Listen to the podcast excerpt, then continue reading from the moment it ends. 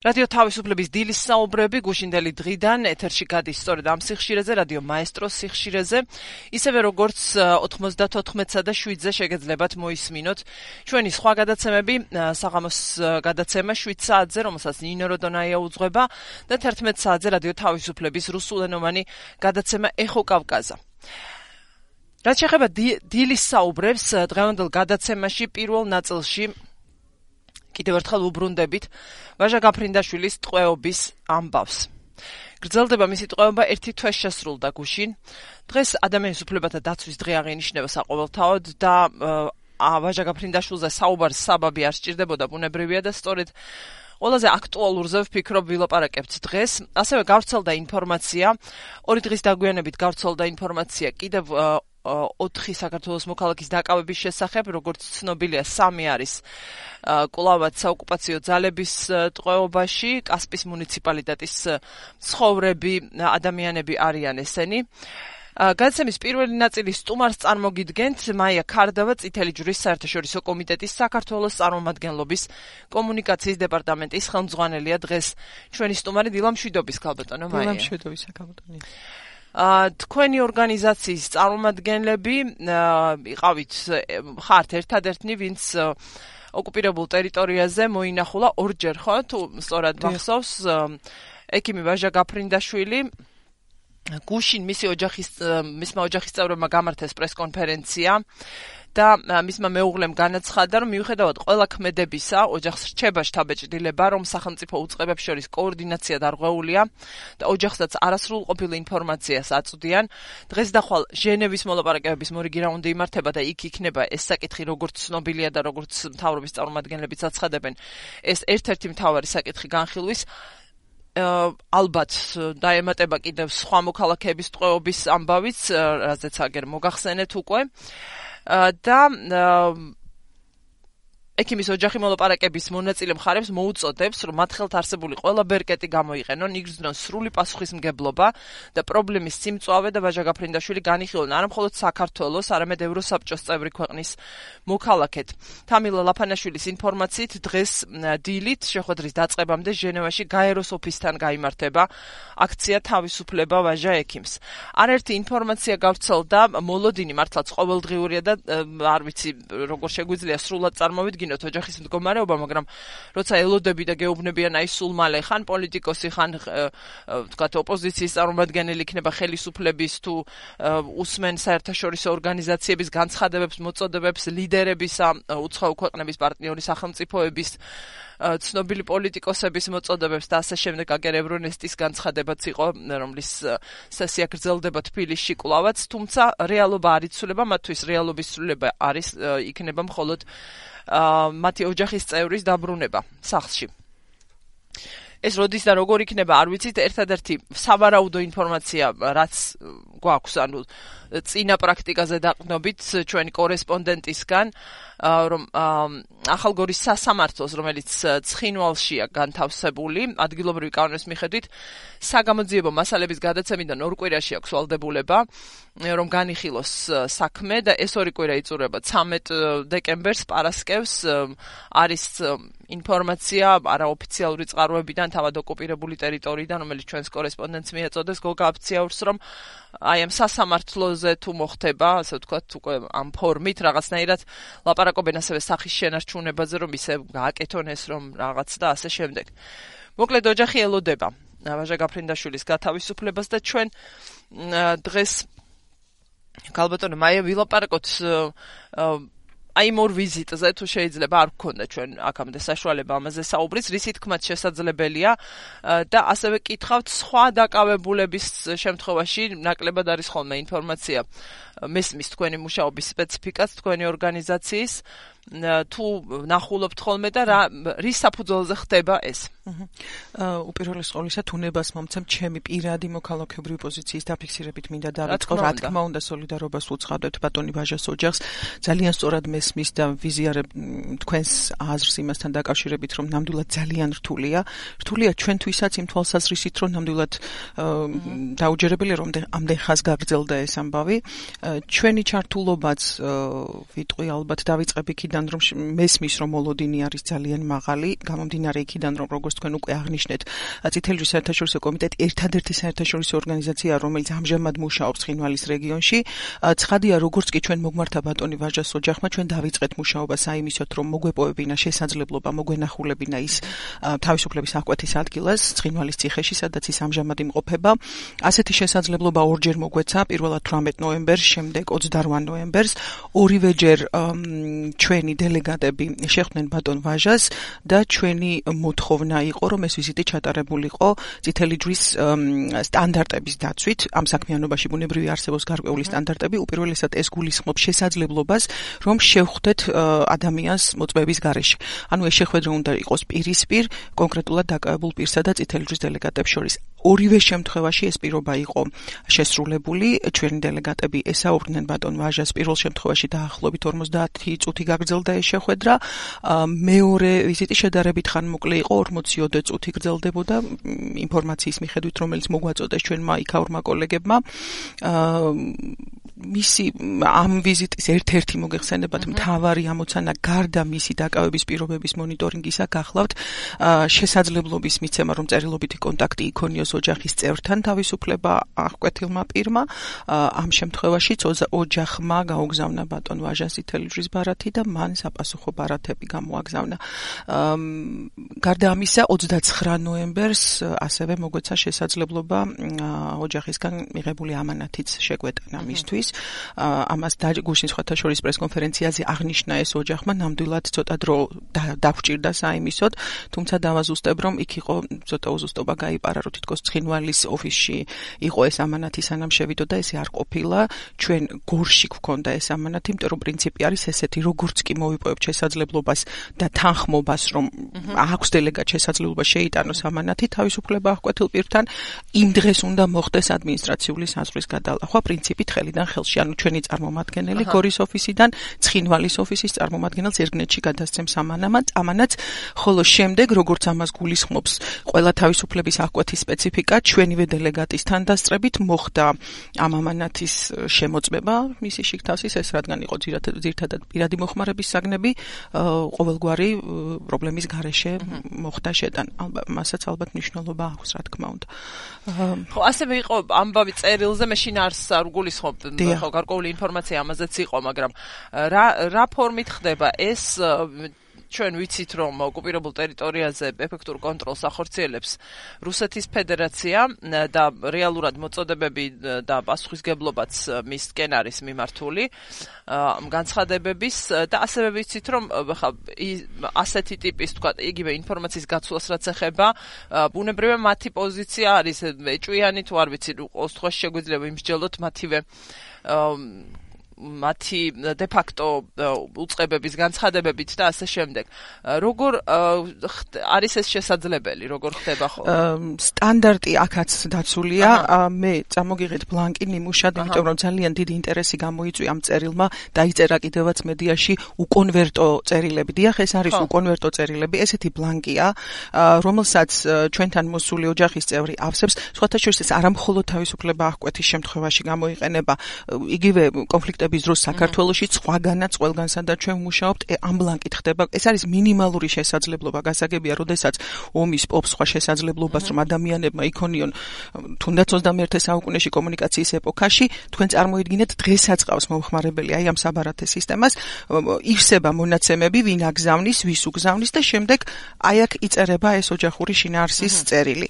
შემდეგ როდესაც ჩავიტანთ ამ ბარათს ეს იხევა რჩება მიმღებ მიმღებთან ეს და საპასუხო პასუხოდ ივსება მეორე მხარე. აი ამ პრინციპით, აი ამ ძალიან მარტივი პრინციპით, ამ შემთხვევაშიც ამ ბლანკით მოხდა კომუნიკაციის აღდგენა ბატონ ვაჟასა და მის ოჯახს შორის. აქ ასევე იყო მითითებული, რომ თითქოს აი რუსულად რატომ დაიწერა. გასაგებია, რომ დიახ, იცით რა თქმა უნდა შემოწმებას გადის და სწორედ ეს არის ამ ღიაობის პრინციპი, რომ ჯობს რომ იყოს ამ სახით ღია ფორმით და არსებობდეს კომუნიკაციის შესაძლებლობა. ყოველთვის, როდესაც დელეგატი აწვდის ამ ბლანკს მომხმარებელს, უხსნით რომ ეს არის მხოლოდ და მხოლოდ პირადი შინაარსის, ოჯახური შინაარსის ახალი ამბების გაცვლის შესაძლებლობა და არა უმეტეს. რომ კიდევ ერთხელ ხასგასმით ეს არის მინიმუმის მინიმუმი რისი გაკეთებაც შეგვიძლია თუმცა ძალიან მნიშვნელოვანია იმიტომ რომ როგორც გითხარით იგივე ომის დროს ათასობით ასეთი ბლანკი გადაგქონდა და არა მხოლოდ საქართველოს პარლებში უცხოეთშიც იგზავნება ეს ბლანკები. აი ეს იყო ხო გასაგებია. ისტორია. სმენელს ვინც ახლა შემოგვიერთით გეტყვით რადიო თავისუფლების დილის საუბრებს უსმენთ თქვენ. რადიო მაესტროს სიხშირეზე FM 94 და 7 ჩვენი გადაცემის თვალყურის დევნება შეგიძლიათ რადიო თავისუფლების დილის საუბრების რადიო მაესტროს Facebook-ის საიტებზე დილის საუბრები რადიო მაესტრო 94 და 7 FM უნდა მოძებნოთ Facebook-ში და შეძლებთ ჩვენს დანახვასაც ასევე რაც კიდევ უფრო მნიშვნელოვანი შესაძლებლობა მგონია ეს არის კომუნიკაცია ჩვენთან პირდაპირ ეთერში. 2988327-ია ჩვენი ტელეფონის ნომერი. 2988327 თუ კი გექნებათ შეკითხვა ჩვენ სტუმართან ან მოსაზრების გამოთქმის სურვილი 2988327-ზე უნდა დაგვირეკოთ. ლაპარაკობს რადიო თავისუფლება და ვაგრძელებ გადაცემას. რაც შეეხება ეხლა ჩვენ შევიტყეთ კიდევ რამდენიმე მოქალაქის დაკავების შესახებ, რაც ორი დღის, სამი დღის წინ უფრო სწორად მომხდარა, მაგრამ ინფორმაცია გავრცელდა გუშინ, როცა თავად de facto ხელისუფლებამ საოკუპაციო ძალების წარმომადგენლებმა გავრცელეს ეს ინფორმაცია თავიანთი საინფორმაციო სააგენტოს საშუალებით დაადასტურა საქართველოს უსაფრთხოების სამსახურმა ეს ფაქტი. რა ხდება ხოლმე იქ და იმ მოქალაქეების შემთხვევაში რომლების შესახებაც ჩვენ ნაკლებად ვიცით, რომლებიც თქვა შეიძლება არ არიან ცნობილები საზოგადოებისთვის ვიდრე აი ამ ვთქვათ მდგომარეობაში არ აღმოჩნდებიან ტყვეობაში ოკუპირებულ ტერიტორიაზე. რა თქმა უნდა, როდესაც ცნობილი ხდება ასეთი დაკავების შესახებ, ნებისმიერ შემთხვევაში წითელი საერთაშორისო კომიტეტი იწყებს ცდელობას აიმისოთ, რომ მოხერხდეს ამ ადამიანების მონახულება, თუმცა თუ ადამიანების ყოფნა იქ გარკვეული პერიოდის განმავლობაში არ გრძელდება, მაშინ იმიტომ რომ ნახეთ დაახლოებით ახლა ეს არ არის დადგენილი რაღაცა წესი, თუმცა ეს სავარაუდოდ სადღაც 10 დღემდე მაინც გვჭირდება საიმისოთ რომ აი ყველა დონის დე ფაქტო ხელისუფლებასთან ჩავიაროთ ის რომ მოვიპოვოთ უფლება. ჩვენ გითხარით რომ ჩვენ ამ ვიზიტს ჩვენი სტანდარტების დაცვით მოვითხოვთ რომ გახორციელდეს წინაღდი შემთხვევაში მას აზრი არ ექნებოდა, ამიტომ აი ამ რაღაც ფორმალობების შეჯერებას დრო ჭირდება ხოლმე.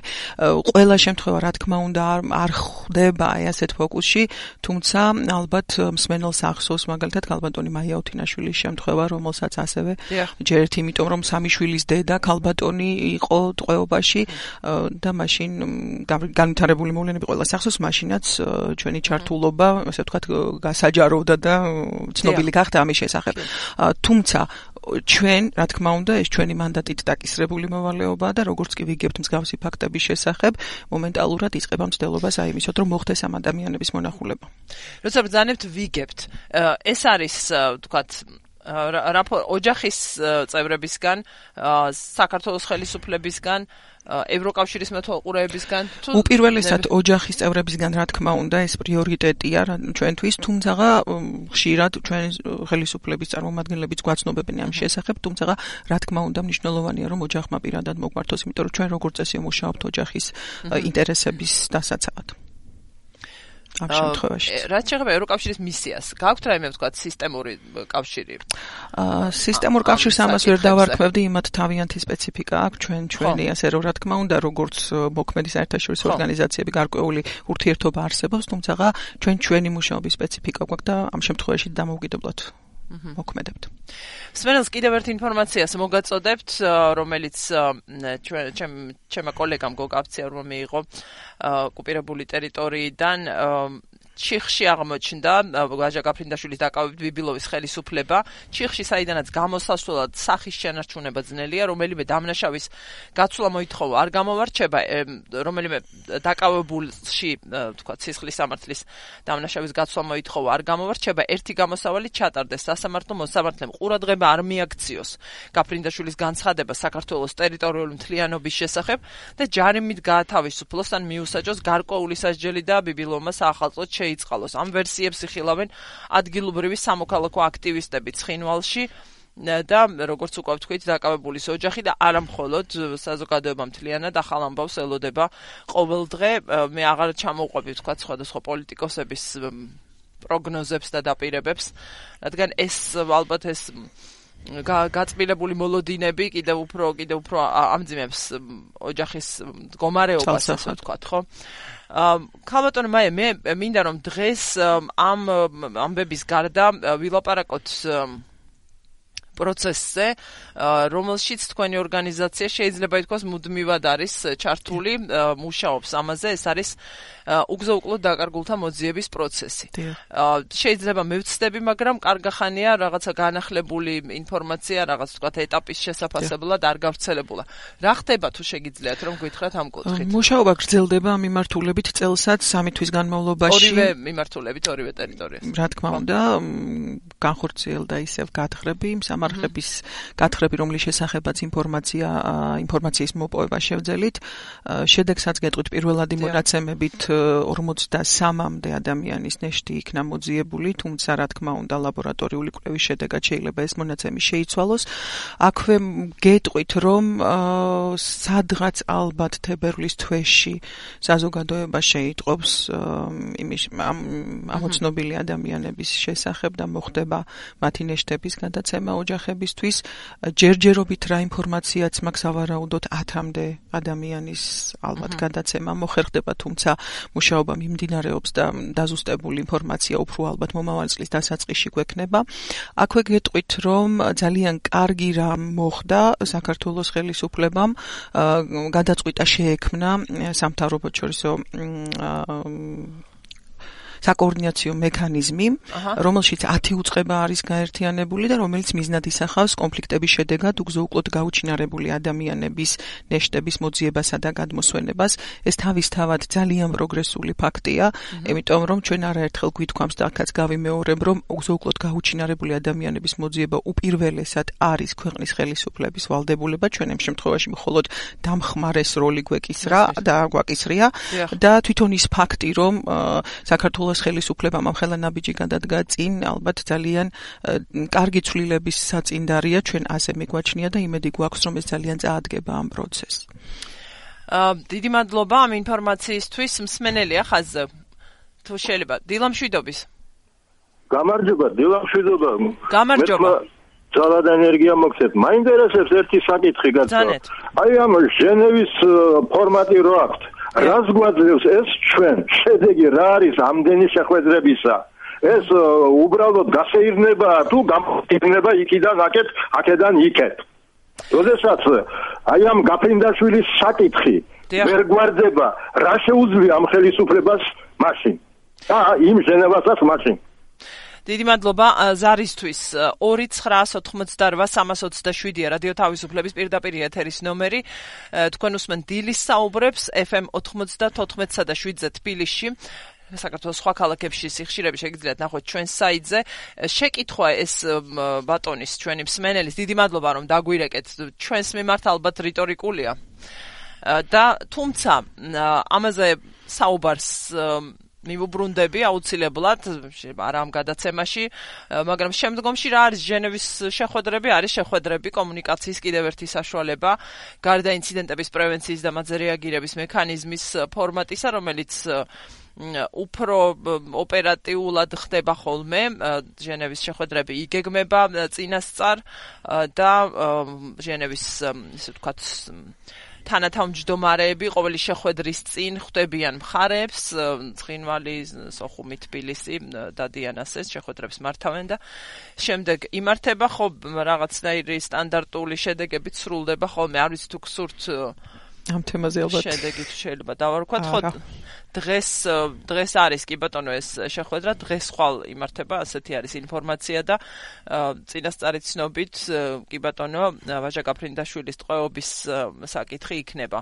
ერთ-ერთი მთავარი დღის წესრიგში შედეგზე რა მოგახსენოთ ვინ იტყვის ამას ალბათ ვერც ვერავინ და ალბათ დაემატება კიდევ იმედი მაქვს იმ კიდევ რამდენიმე მოქალაქის საკითხი, რომლებიც ორიოდე სამი დღის წინ დააკავეს საოკუპაციო ძალების წარმომადგენლებმა.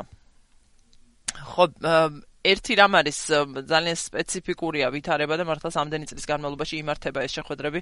შედეგი რაც იქნებოდა გასაგებია სასურველი ბევრისთვის, თუმცა სამწუხაროდ ასე არ ხდება. სხვა შორის აქვე დავაანონსებ მოგაწვით ინფორმაციას იმაზე და შეიძლება ბევრმა თქვენგანმა იცის რომ გუშინ პარიზში გამართა უკრაინის საკითხზე შეხვედრა. ძალიან მნიშვნელოვანი ეგრეთ წოდებულ ნორმანდიულ ფორმატში ნორმანდიული ოთხეულის შეხვედრა.